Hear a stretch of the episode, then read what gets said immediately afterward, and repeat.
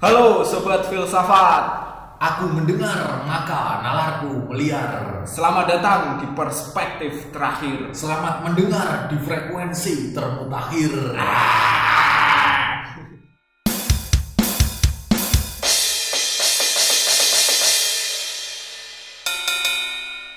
Kembali lagi ke podcast Filo Milenialia Filsafat Nirwafat Memfilsafatkan milenial, memilenialkan filsafat. Yo gitu ya Tuh. Kembali lagi ke episode 2 ini Ya, kita terusin yang kemarin kita ngomongin secara garis besar soal filo mil- milenialia ya kan. Padahal tadi, bukan kemarin Ini nggak apa.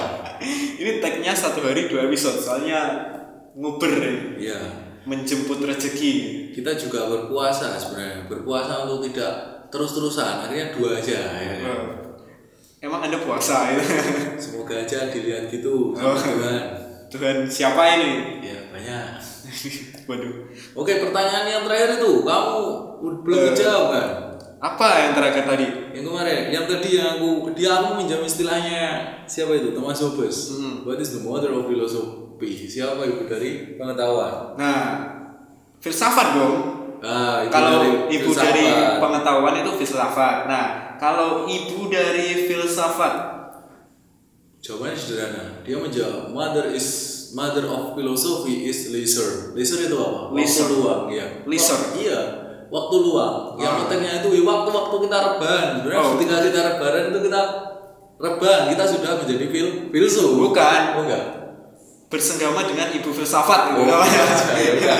Nggak bisa dikatakan waktu luang gitu ya. Iya, biasanya kalau anak-anak zaman sekarang itu biasa menyebutnya gabut Oke, berarti gabut adalah ibu dari filsafat. Oke, Nah, gitu ya. Itu kata siapa? Kata siapa itu? Thomas Hobbes. Bukan katamu ya? Enggak, saya nambahin aja. Oke.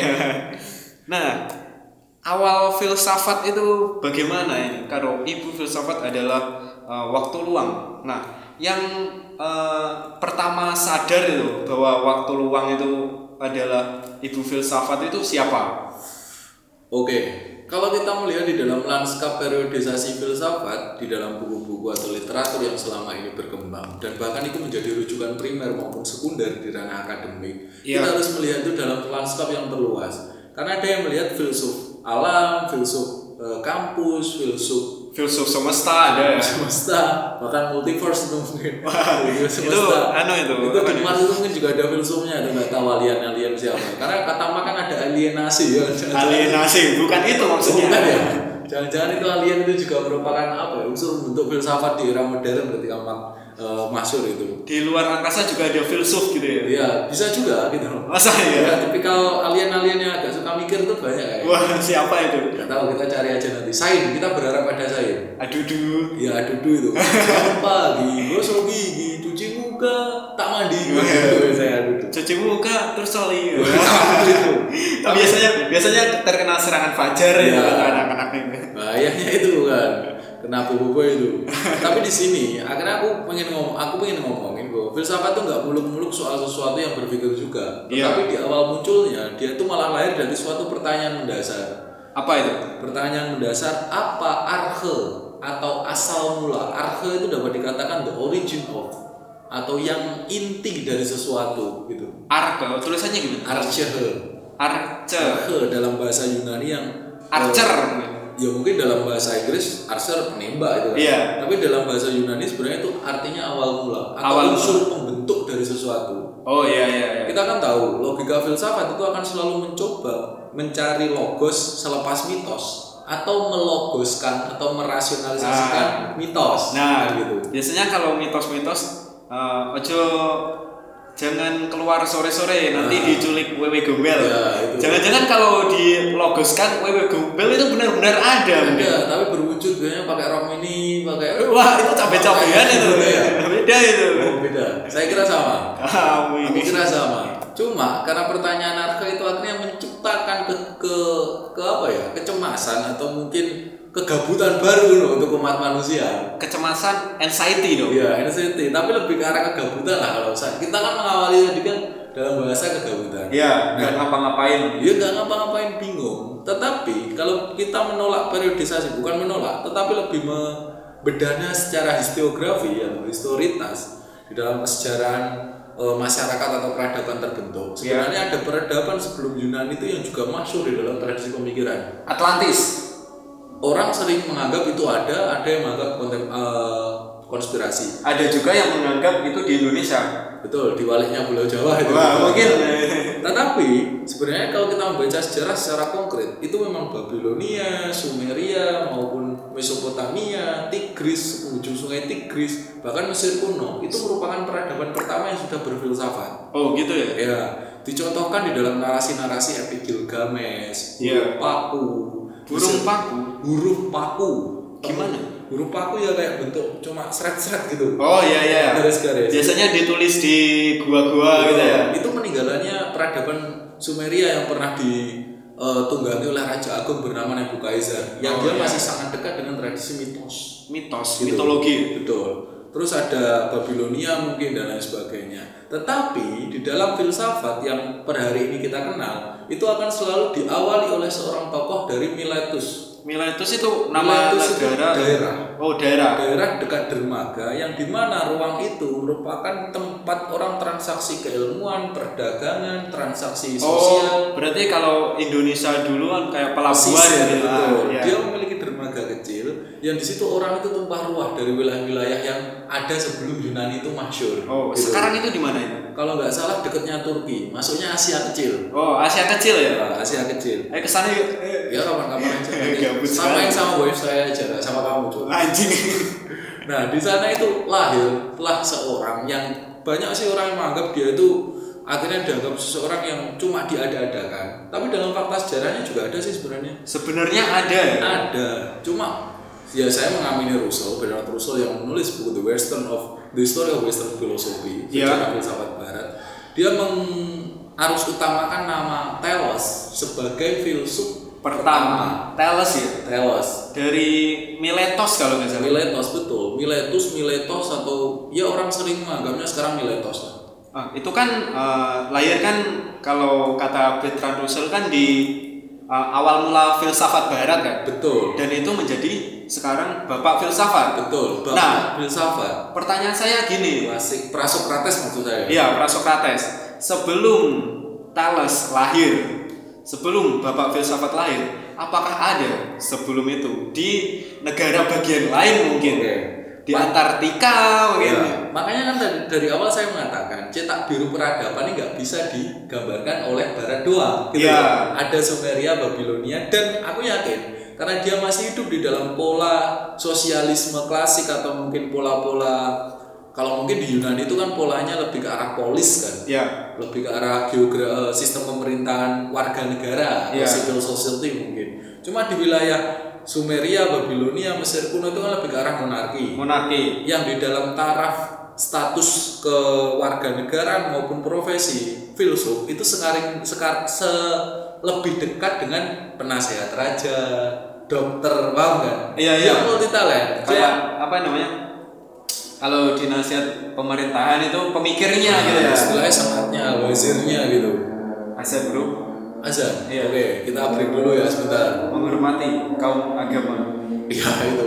Padahal itu kolonialisme itu. Wah, kamu ini.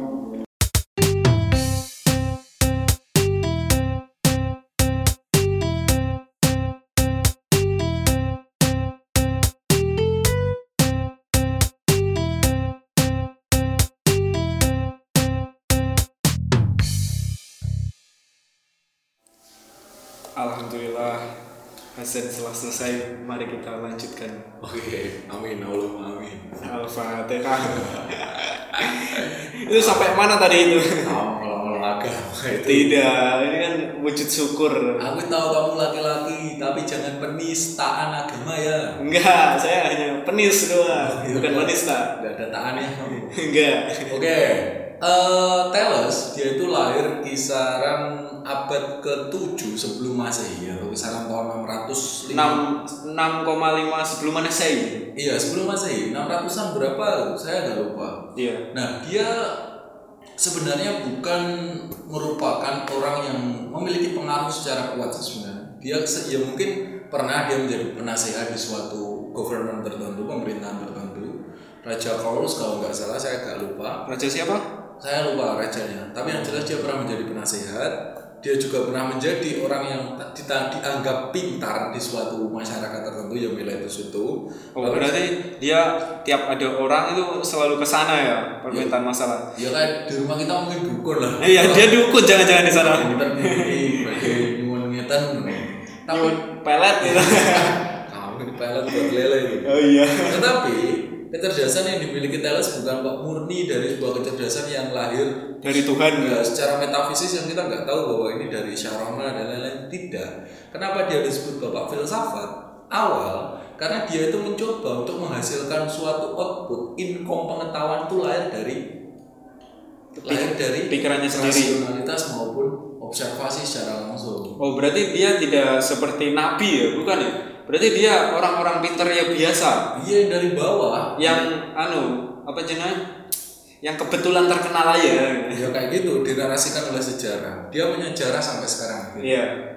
Nah, pemikiran Telos kalau kita membicarakannya eh, itu berkutat di dalam pertanyaan arke tadi. Apa asal musa asal muasa apa origin apa itu sumber pertama dari entitas yang ada di jagat raya ini? Telos memberikan kesimpulan. Air Air, ya air. Nah, di sini juga tertulis air ini. Saya lihat di Wikipedia soalnya. ah mungkin anak Wikipedia nih udah dengerin saya aja Oh ya udah. Gini, akhirnya kenapa dia mengatasnamakan air sebagai arke dari keseluruhan? Dia memiliki beberapa alasan. Yang pertama, dia melihat air itu sebagai substansi yang pada dirinya sendiri dia itu bisa meruang di suatu hal. Oh, berarti fleksibel di mana aja pasti bisa. Betul. Air itu akan selalu memasuki ruang-ruang tertentu, bahkan di dalam substansi yang lain seperti api, tanah, dan lain sebagainya pasti memiliki unsur air dalam pemikiran Thales loh ya. Oh iya, Dalam pemikiran Thales. Akhirnya unsur pembentuk yang paling dasar itu menurut dia air. air. Hmm. Nah. Untuk ada alasan mendasar juga mungkin yang sering oleh beberapa eh, pemikir atau pasca Teles itu menganggap Teles itu karena hidup di dekatnya dermaga dan dia ketahui cuma air. Akhirnya memberikan kesimpulan bahwa Oh, seperti Aaron Yeager ya berarti. kan mencari air tuh kalau dia tengok kita. Ya dia, dia di sana cuma ada tembok terpenjara di dalam tembok. Isolasi. Iya, terisolasi. Begitu dia melihat air seperti wah gitu. Bener, ada kekaguman tersendiri. Tapi kan dilahirkan dari dambaan. Iya. Dan Budi Hardiman benar ketika mengatakan filsafat adalah dambaan. Kenapa demikian? Karena sesuatu yang sifatnya dambaan itu kan pencarian tak berujung. Paham kan? Iya, Dia kan terus didambakan, dicari, dievaluasi dan mencari apa itu kebenaran. Itu finalnya titik finalnya sampai dia menemukan apa? Telos. Enggak, kalau dambaan Filsafat. itu iya Filsafat. berdambal. Tidak ada hukum kepastian di dalam filsafat. Oh, gitu ya. Dia akan selalu memverifikasi jika salah dia akan di- dicari kebenaran terbaru dan lain sebagainya. Itu hukum dialektika kan. Berarti bukan matematika, Lebih ke arah dialektika. dialektika. Betul. Berarti eh, secara tidak langsung eh, siapa? Matematika itu maling kundangnya filsafat ya. Ya bisa juga. Karena nanti juga antara dua bentuk metode dialektika maupun matematika kan merupakan apa ya? pondasi kebenaran. kan? Iya, fondasi kebenaran. Nah, tapi ya memang jangan salah ketika kita melihat Thales juga di dalam lanskap geometri maupun metafisika. Dia juga menggagas teorema, terus pun dia juga bisa memperkirakan adanya gerhana, astrologi maksud saya. Masa dia eh, memperkirakan ya? Dikirakan zaman dulu kan belum ada alat-alat yang secanggih sekarang gitu. Masa dia memperkirakan gitu? Karena perangkatnya kan nggak ada. Ya. Nah, bagusnya Thales itu orang yang suka melancong. Oh, berkelana. Bener. Oh, iya. Dia tuh musaf, mu- musafir. Kalau Musafir. kamu kan musafir gitu. Oh, bukan. Kalau aku kan eh, ya biasa. Iya, kafir juga kamu. Pakai klaim-klaim kayak gitu. Karena dia itu suka ber- melancong ke Babilonia maupun ke tempat-tempat yang tanda kutip peradaban yang lebih maju. Ah, iya. Misal Babilonia. Di sana sudah tertemu ilmu purba yakni ilmu astronomi. Oh, di sana sudah ada. Ada, ada beberapa literatur dari tulisan papirus atau mungkin sekarang kita tahu lontar. Lontar. Tapi kalau papirusnya ada yang ditatah, ada yang ditulis dikerik di dalam daun. Oh, eh, seperti eh, sablon cukil gitu ya. Ya kalau sekarang mungkin kayak gitu. Itu ada sebuah narasi yang membicarakan tentang fenomena gejala gerhana matahari, gerhana bulan di abad itu loh ya. Itu ditulis ya. Ada yang menulis, cuma dia akhirnya hilang. Seperti Oh. Teles sendiri dia nggak pernah meninggalkan karya. Oh, seperti itu ya. Orang orang-orang itu mencari spek dia tuh berspekulasi tentang pemikiran Teles itu lewat oral language atau tradisi berbicara, tradisi Berhafal. berhafal atau tradisi dituturkan terus menerus. Oh, ilmu tutur Ya, ya. dari murid ke muridnya bahkan sampai Socrates sendiri juga nanti menyebut Thales sedikit gitu loh. Oh ya. Aristoteles, Socrates juga menyebut Menyebut Thales juga ya? Iya betul. Tapi eh, secara kan eh, ilmunya kan cuman mencetuskan itu ya. Tadi siapa yang apa mengeklaim bahwa Thales adalah bapak filsafat itu tadi? Eh, klaim-klaim itu sebenarnya mun- muncul di dalam tradisi kesejarahan, Oh. tradisi filsafat sejarah. Iya. Kayak Hegel yang juga menulis filsafat sejarah, dia sedikit banyak ketika membicarakan filsafat Yunani prasokratis, prasokrates, dia tuh menyebut nama Thales. Seperti kayak Russell tadi juga seperti itu kan. Oh, berarti eh, setiap filsuf itu menyebut eh, sedikit banyak menyebut kata Thales ya? Eh iya, karena dianggap sebagai primus atau awal, perumus atau primus atau mungkin awal mungkin dalam tradisi filsafat Islam. Ya, tapi kenapa kamu selalu menyebut nama dia gitu loh? Bukan Thales lagi, bahkan Tuhan pun hilang gitu. Iya, kamu terlalu radikal itu.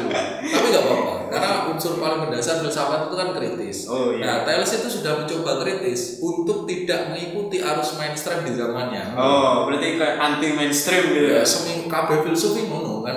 Oh, Karena siap. dia melihat ya kenapa kita harus berkutat di dalam suatu apa ya sosial iklim sosial tertentu gitu loh. Ah, padahal itu tidak berkembang gitu menurutnya. Banyak anekdot yang membicarakan pemikiran Thales itu juga menarik. Misal suatu ketika dia pernah saking gandrungnya dia dengan astronomi atau bintang-bintang bebatuan di langit. Iya. Suatu malam itu dia pernah ya keadaan bengong, dia melihat langit, dia berjalan itu udah ada perempuan yang ngomongin pembantunya kalau nggak salah. Oh iya. Kamu jalan-jalan terus nanti jatuh gitu. Thales nggak gubris saking dia tuh berpikir, mengamati, observasi dan lain. Akhirnya berjalan kecemplung tenang. Tenan ya? Iya. Maka dari itu namanya Thales ya. Kamu menggunakan argumentasi cocokologi itu. iya, harus itu. Tapi banyak lah spekulasi kayak gitu. Ada juga cerita, karena kalau kita membicarakan telos, nggak jauh beda dengan bahasa Inggris yang bermakna tel telos, yang artinya cerita juga. Oh iya. Dongeng. Thales ya, cerita. Aku pribadi nggak tahu sih source dari bahasa itu dari mana. Ah. Cuma ada seakan-akan keterikatan linguistik lah kalau bahasa. Oh iya. Kok mirip gitu loh. Ah. Tapi nggak tahu sendiri nanti ke depannya riset-riset semacam itu kita temui apa enggak. Aku kurang literatur itu. Tapi apa namanya? eh, pemikiran Thales yang berpengaruh sehingga dia disebut bapak filsafat itu seperti apa sih? bukan lebih ke arah produk dari pemikiran, tetapi orang di masa itu yang pertama kali berani meruntuhkan mitos yang selama itu mapan di masyarakat Yunani. Oh, gitu. ala gitu. Berarti eh, melawan stigma masyarakat. Betul. Dia, Aktivis dia. ya, ya kalau sekarang kan kampus ya. Untung dia tidak ditangkap. Ya untung juga gak ikut ormek gitu mas. Kamu ini. Untung tidak hidup di masa rezim. Soeharto. Untungnya juga dia hidup di iklim pemerintahan yang tanda kutip masih menghormati Iya. pemikir. gitu. Masih demokratis ya. Iya. Nah maka dari itu Thales yang mencoba berkorespondensi terus dengan zaman di mana dia hidup, dia melihat fenomena mitologisasi yang terjadi di zamannya itu sebagai sesuatu yang nonsen, Nonsense omong kosong. Oh, berarti Kayak Tuhan, ya, dewa-dewa, paham kan? Maksudnya mitos kan sesuatu yang di dianggap tidak ada. Nah, yang dianggap yang dianggap lazim Ah. tanpa ada cross check dari rasionalitas maupun sesuatu yang sifatnya by riset dan empiris. Ah, iya, iya. Kayak gitu. Akhirnya orang-orang melihat eh akhirnya Plato sendiri akhirnya Thales sendiri melihat ada kesalahan sedikit di dalam pola masyarakat ini. Konstruksi Oh, sosialnya. konstruksi sosial untuk menyadari maksud dewa-dewa berkembang biak Nah, dewa-dewa itu. kayak Zeus yang punya istri Aphrodite, Hera dan lain sebagainya Hera anaknya kalau nggak salah Hera itu istrinya, istrinya ya istrinya, selingkuhannya dia. Iya, kayak Dia gitu sangean. Masa dewa kayak gitu kan gitu. Iya. Akhirnya orang yang dianggap pertama kali berpikir dan mengevaluasi zaman di mana ia hidup. Thales. Thales. Dan dia digelari sebagai bapak filsafat pertama tadi. Nah. Secara filsafatnya bukan bapak filsafat yang kita tahu sekarang, Iya. tetapi natural filosofi. Natural philosophy. Filsafat kealaman. Berarti, filsafat eh, tentang kosmik. Mempertanyakan yang belum ada atau yang dianggap diada-adakan gitu. Betul. Dia lahir tetap dari spekulasi ontologi. Tetapi faktanya ketika dia menciptakan produk filsafat air sebagai entitas pertama, dia kan sudah mencoba untuk memberikan kesimpulan gitu loh. Ya. Dasdang. Dasdan, siapa namanya tadi? Kamu Dasdang sih itu. Wah, Dasdan sih. Nah, Jerman. itu cara cara si Thales beliau itu caranya untuk eh, mendobrak mindset masyarakat itu seperti apa? Kalau kita melihatnya lebih rinci lagi ya sebenarnya, pengaruh yang diciptakan Teles itu nggak bermuara secara utuh. Ah, Maksudnya orang yang mengamini gagasan-gagasan itu nggak semuanya. Setiap filsuf itu kan orang gila. iya, Maksud saya kayak gitu. kamu kan juga orang gila. Ya saya banyak aku nyadari. ya gila banyak hal, tapi nggak gila jabatan kalau saya. Kamu gila wanita? Wah, jangan buat kesimpulan kayak gitu. Nah, banyak hal menarik tentang Thales. Ya, dia akhirnya diterima oleh mata rantai filsafatannya malah pasca dia meninggal kan. Oh, Makanya dia- sering nah. didongeng, dianggap dongeng ini kan gara-gara itu. Mungkin Karena dia nggak menulis, Nah. nggak tertenar di zaman. Nah, mungkin pas eh, zamannya Thales, orang meninggal malah terkenal. Iya, Mungkin Thales itu influencer ya. kayak gitu. Beda kayak zaman kita. Beda, Orang? Semakin banyak bicara, followernya banyak kan dianggap orang penting. Iya. Kan gitu. Ya pokok jogetnya hmm, gini-gini. Oh iya, ya, gitu. Bukan. Ya, Maksudnya proyek kamu kulit proyek, proyek teknologi teknologi ini. Iya, kalau itu ya. Iya, kenapa ya? Bersama kuli membangun negeri. itu. Itu jangan percaya sama negara itu. Nah, pernah juga karena Thales itu paham rumusan kapan gerhana itu muncul, ya kan? Di lingkungan di lingkungan di mana dia hidup di Miletus itu kan pernah terjadi panen besar suatu buah gitu kan ya. Iya. Secara lebih eh, spesifik saya agak lupa. Apa itu? Padi ya? gambar bukan tanaman khasana. Oh. Thales tahu ini nanti kalau dijual waktu ini akan terjadi ini dan pasti akan ada eh, penurunan harga. Akhirnya dia menimbun Oh iya. dia menimbun benda itu dan dijual ketika harganya tinggi gitu Seper- sepertinya dia anu kakeknya Adam Smith ya. agak suka itu itu Jangan-jangan itu. Berarti terlalu materialistis sekali seperti itu ya. ya namanya juga filsuf alam kembali Oh. ke unsur alam itu sendiri Ya, gitu loh, dan- mem- memanfaatkan Betul. alam. Nah, betul bagus itu. akhirnya dia dianggap orang yang ya frontal di zamannya agak gila ya orang yang selalu cemas di zaman dia hidup banyak hal dan itu menjadi semacam kategori filsuf Ah, ah. Nah, yang mengkategorikan itu siapa? orang-orang pasca dia Pasca dia. pasca dia Oh. Thales sih nggak pernah ninggal karya beneran nggak pernah ninggal karya Ninggal anak keturunan gitu. kurang tahu tetapi di dalam tradisi penggambaran dia dicirikan berjenggot ya sekarang berewok gitu lah Oh, kayak Aristoteles itu. Ya, mirip orang-orang Yunani kan kayak gitu Orang-orang Asia Tenggara tidak? ya kurang tahu sih kita berkumis gitu Oh, iya. malah banyak kan kumis mis bukan Kumisnis. Padahal kalau eh, pengen berbrewa itu mudah. gimana Waduh ya. Weh, masuk dong, masuk. Ayo waduh ya, masuk dong. Surabaya wak wak wajib gitu kan. nah ada hal lain lagi juga di dalam pemikirannya dia pernah me- karena dia kembali pada air sebagai arke dia Ya. pernah me- berspekulasi bahwa bumi itu itu seperti daratan yang ditopang oleh air Nah, padahal iya. Iya kan Kalau kalau dalam ilmu fisika kebetulan saya anak IPA ya, sombong sedikit.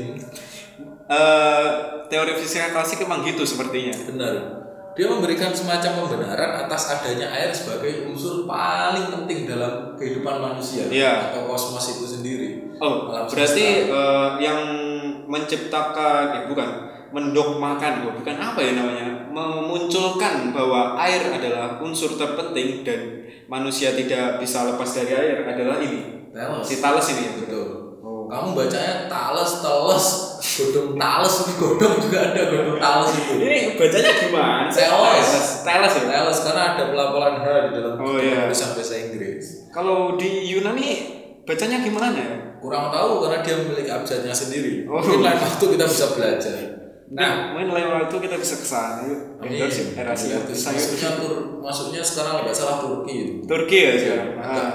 dekat di Asia kecil kan maksudnya Nah, ngomongin filsafat nih, alirannya kan banyak ya aliran filsafat. Nah. Nah, di sini eh, si Thales itu dinobatkan sebagai filsafat Ionian, mazhab Miletos dan filsafat alam. Nah, filsafat alam sudah ya tadi.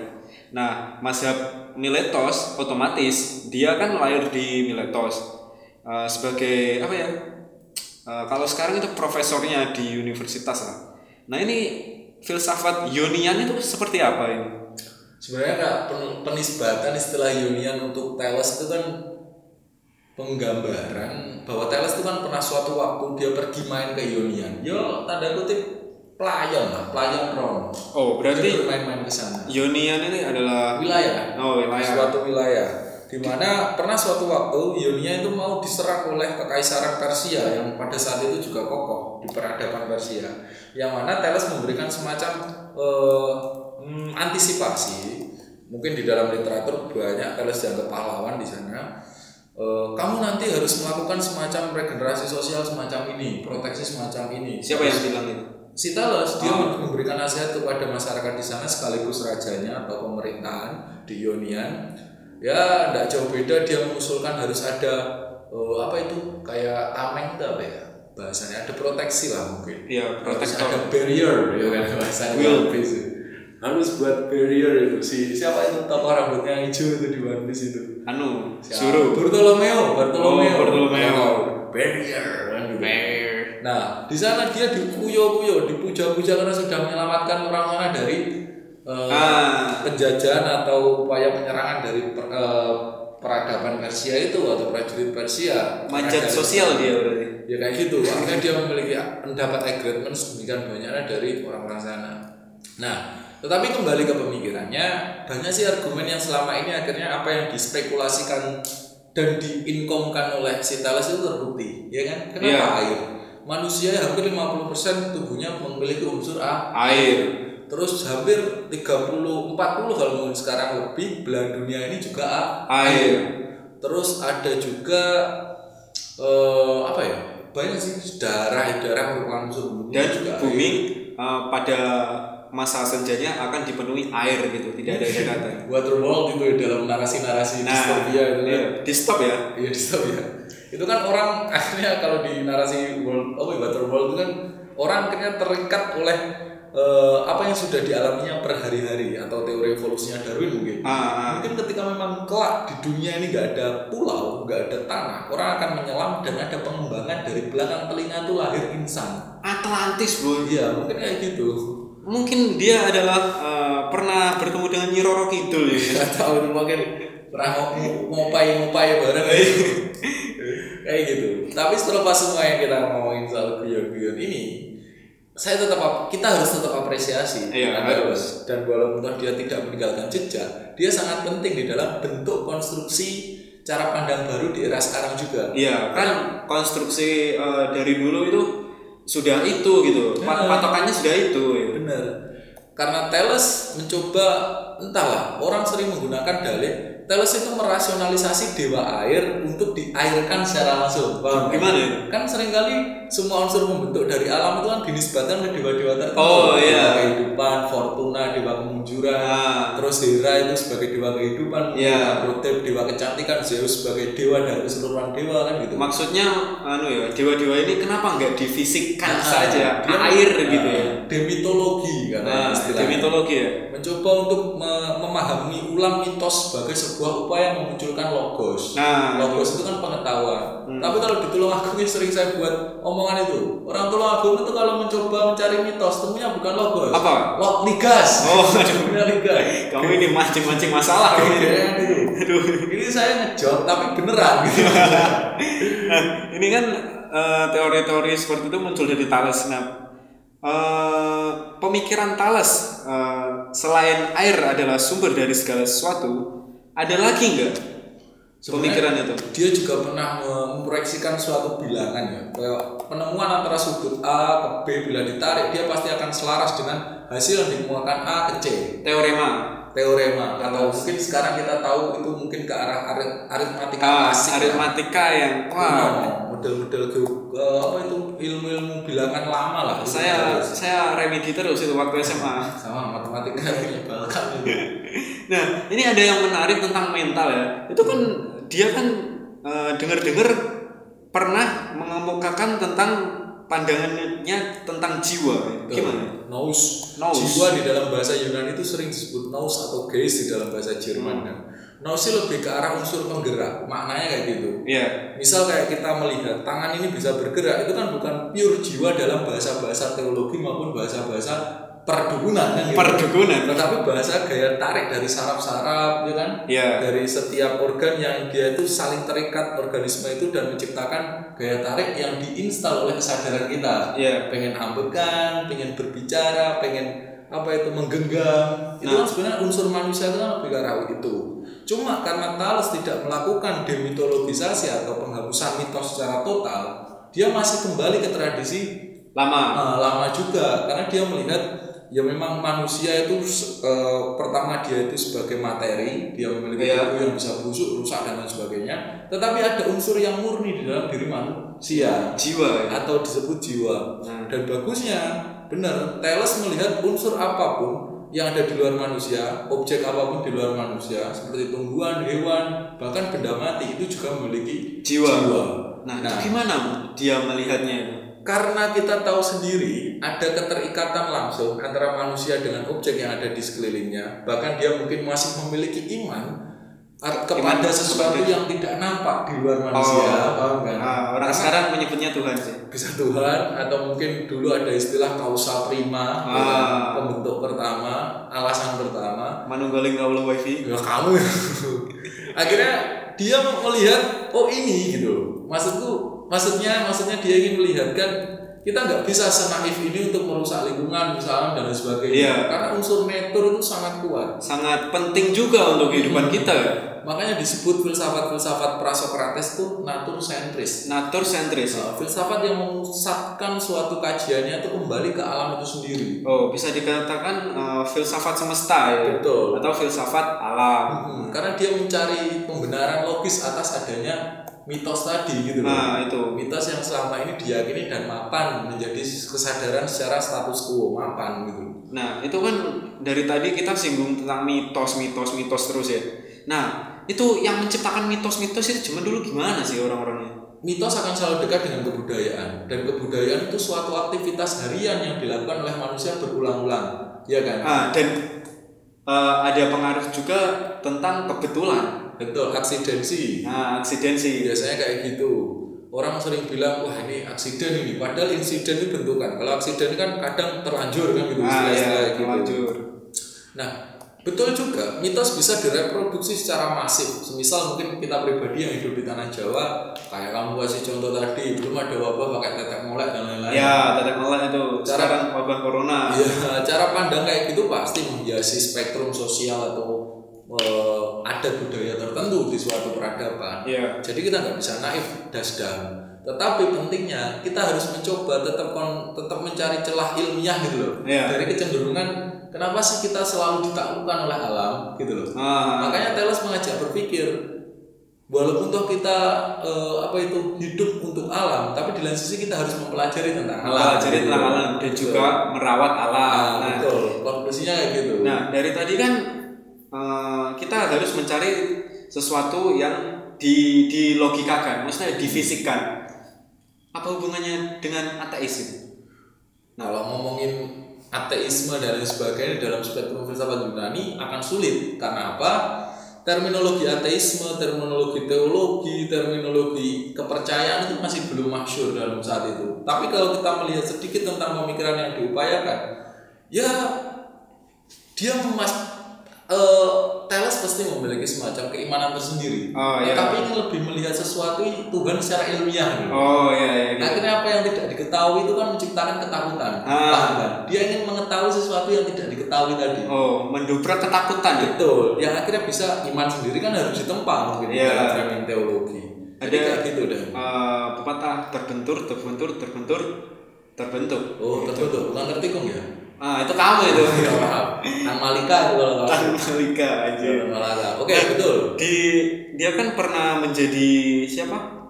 Penasihat raja ya. Nah, pikiran tentang politiknya itu gimana ini? Kalau Yunani di era itu sebenarnya era yang sudah sangat apa ya? Orang menyebutnya paling lebih ke arah demokratis. Ya, pandangan politiknya eh, si Thales ini gimana? Belum ada literatur yang rinci membahas itu dan sering kali itu hanya disimpulkan di dalam dialog-dialognya eh, Socrates yang menggambarkan eh, siapa itu Thales itu lebih eh, ya filsuf alam gitu aja. Iya. Dia kurang mencolok di ranah politik. Makanya sering kali kita akan dijebakkan di dalam pertanyaan yang itu nggak tepat untuk dipertanyakan di dalam narasi filsafat modern Yunani oh, klasik Yunani klasik kayak gitu. Akhirnya biarkan dia akan mengalir menjadi pergulitan pertanyaan. nah Saya kira demikian. Nah. aku kira demikian. Woi aku atau saya Aku aja tadi tadi maaf saya sering menggunakan saya nggak aku gitu. oh gitu ya nah eh, ini kan filo milenial ya Nah, ya. Nah, Saya belum lupa ya. apa intisari yang bisa dipetik dari si Thales ini Intisari anggur apa intisari wacana? intisari anggur aja kita beli ya banyak banyak sekali. Apalagi kita melihat pemikiran Thales di dalam narasi generasi kita. Iya. kalau mungkin dia melihat air sebagai unsur itu dan air memiliki beberapa kelihayan dan lain sebagainya. Jadi sepantasnya pun kita sebagai generasi milenial harus mengikuti pola kehidupan yang digambarkan seperti air. Oh, Maksudku kayak gini. mengalir? Kita mengalir kita mengikuti ruang tetapi di lain sisi kita otentik menjadi air itu sendiri ah, ah, kan? menjadi diri sendiri? Betul, kita harus kembali kepada diri sendiri walaupun toh kita tetap terlibat di dalam upaya-upaya sosial, upaya-upaya politik, Ya. upaya-upaya organisatoris, upaya-upaya apalagi kesusastraan, Ah. oh, upaya-upaya pembentukan budaya pop baru dan lain-lain. Jadi air di sini posi- posisinya sebagai penjernih juga bisa. penjernih peng apa ya pe- pelebur juga bisa. Di lain sisi kita juga ikut menjadi air wudhu bagi setiap generasi yang serba kacau ini gitu. Wajah, air wudhu ya. sekali. ya. air surga. air suci cuy. Nah itu anak-anak itu selalu bilang saya teles kan kenapa? Buktinya saya minum amer gitu. Rusak itu. Nggak bisa dibenarkan ini iya saya tahu kamu teles tapi jangan minum amer setiap malam Oh, itu kamu itu yang Bukan. ajarin itu anak-anak itu Katanya dia akan mengukuhkan. Berarti kalau pengen jadi anak si Mandors, ya saya aperion, tidak terbagi. Aperion, benar ya. Nanti kayak gitu.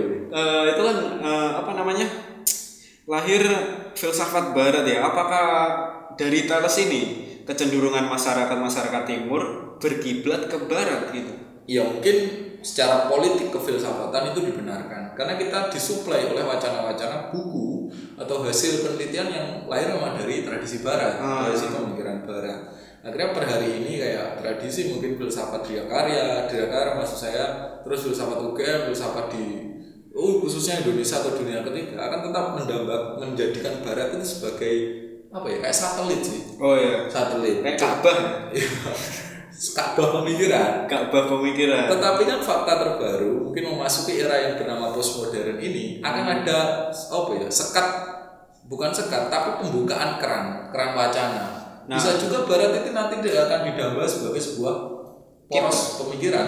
Kita akan mencari meta narasi narasi narasi kecil yang lahir dari peradaban atau budaya kita sendiri. Nah itu sudah mulai sih kalau menurut aku. sudah mulai dari eh, kalau sekarang sih aku lihat dari keindahan-keindahan alamnya Betul. lebih kembali ke naturalnya Iya, betul. budaya-budayanya ya. betul. berarti eh, budaya-budaya Indonesia yang seperti itu tidak harus di tidak harus dibaratkan ya tidak biarkan dia berkembang dia di situ aja betul tapi pemerintah selalu harus sama gitu anjir gitu ya itu problem-problem struktural yang selama ini masih kita imani sebagai sebuah apa ya hmm, ini loh kabel-kabel ini loh kabel-kabel yang benar ini loh Ah, iya. line-line yang bisa diikuti lain-lain yang yang bisa di- ada kuotanya. Iya, diterapkan di Indonesia. Nah kita ngomongin generasi kita tadi ke arah personal ya. Iya. kenapa kita harus menjadi air atau mengikuti Thales di dalam pola penemuan filsafatan sedang di dalam tradisi sosiopolitik di zaman kita hidup apalagi pasca adanya kayak ya wabah adanya apa itu eh, kemerosotan moral lah adanya fluktuasi ekonomi yang masuk ke ranah ekonomi digital dan lain-lain sebagainya. Saya me- menerima satu aku aku. menerima satu notis bahwa Thales itu secara analogi saya kaitkan dengan pola baru kapitalisme cair oh kapitalisnya kapitalisme cair oh bisa ke mana aja bahkan kemarin ada kapitalisme sosialis gitu betul banyak gimana itu. itu Kalau kapitalisme cair itu lebih ke arah model atau gambaran ideal dari kapitalisme itu. Kenapa saya anggap kapitalisme cair? Aku anggap gitu karena banyak orang para pemikir sosiolog kontemporer sudah melihat gerakan-gerakan kapitalisasi atau komodifikasi itu sekarang selalu menggunakan label agama, Nah, ya kan? dia menampakkan figur yang sok humanis, ya kan? terus produk yang sok ramah lingkungan. Nah itu kan bagian-bagian dari kapitalisme. Betul itu Per kapi- periklanannya masuk gitu. Eh, eh, itu yang namanya liquid capitalism Waduh. yang mengarah di dalam so, eh, risk society masyarakat yang beresiko. Nah itu kan kalau liquid biasa dipakai di vapor, ya ini ada analoginya ini. Apa? Jangan dipotong dulu ini. Gimana?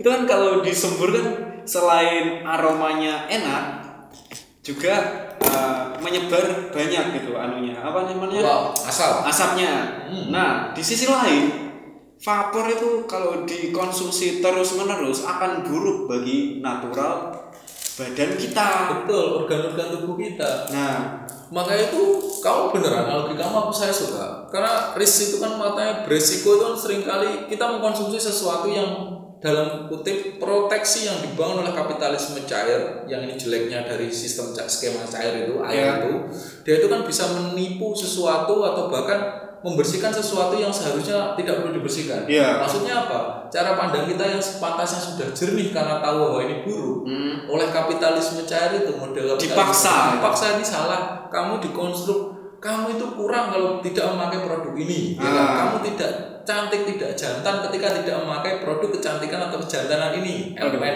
Apa itu? Apa itu? tadi atau pakai produk ini yang labelnya nanti juga halal, Halal. verifikasi dari badan BPOM dan lain sebagainya jangan-jangan ke depannya ada kondom halal. kamu itu gak apa itu proyeksi yang bagus Ntar aromanya jadi aroma-aroma kurma. gitu.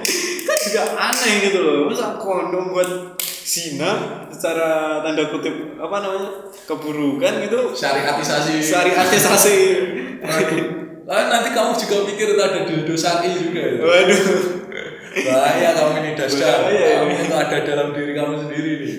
Nah, aku ingin me- memberikan notis terakhir untuk ini. Jadi kita tahu Teles itu mencoba untuk berpikir secara lebih rasional di zamannya. Dan kenapa kita nggak seperti Teles? Iya. Itu maksudku. Berpikir rasionalnya Betul. Kenapa kita selalu dibujui dalam ketidaksadaran yang disuntikkan terus di dalam hidup kita? Eh, tapi soalnya konstruksi sosial mendukung itu. Nah, eh, langkah-langkah kita yang di Anggap konkret. ah bukan yang kita anggap konkret Hmm. untuk merubah itu justru ditolak mentah-mentah. Betul. Kayak kita buat podcast podcast yang ngomongin ini ya kan. Iya. Kita pasti akan terus di apa sih nggak ada menariknya nggak nggak bagusnya, lucu. nggak lucu kamu itu nggak nggak benefit nggak nggak nggak berimpact secara nggak punya engagement buat aku kan gitu Nah, sepertinya mereka belum berfilsafat. Sebenarnya sudah Belum. berfilsafat untuk tidak berfilsafat gitu ya, anjir. Gini loh teman-teman. berpikir untuk tidak berpikir Iya, kalau semua konten lucu semua, edukasinya di mana? Kita akan stuck di situ. Masyarakat kita akan bodoh selamanya jika tidak ada podcast-podcast edukasi betul atau edukasi tentang eh, segmen lain, tentang musik, tentang sastra gitu. Kalau cuma lucu doang ya, ah, jadi stand up comedian aja. Nah, maksudku ya gitu. Kamu benar ketika mengatakan edukasi menjadi pralambang terakhir untuk sebagai juru selamat lah. Aku nganggapnya kayak gitu. Iya, aku selalu apa namanya menanamkan kepada diriku sendiri kalau perubahan-perubahan yang terlalu radikal ini justru menurutku ini kurang edukasi gitu loh. Betul. Pembelajarannya itu pelan-pelan. kurang. Iya. Pelan-pelan semoga aja kita teman-teman kita juga ya kan Hmm. kawan-kawan kita tahu bahwa apa yang kita upayakan ini bagus Iya. gitu. Dan dia ya semoga aja semua bisa apresiasi soal kinerja kita ini. Semoga mereka juga bisa join ya. Oke. Kita Masuk ter- terbuka sekali untuk kawan-kawan yang ingin Berdialog. bersuara tentang Dialog. eh, kefilsafatan, kefilsafatan. Kamu itu patriarkal banget kamu ini. Saya takut diserang kaum kaum feminis ini. Seperti adik kamu kan juga feminis itu. Iya, ya kayak gitu memang. Terus mungkin aku tadi pengen ngomong apa sih buat menutup? Apa gak lupa? Apa? Coba se- sedot dulu tembakaunya biar ada inspirasi itu biasanya. Kamu ini nanti. Apa coba? Ayo. Oke. Ada satu pertanyaan.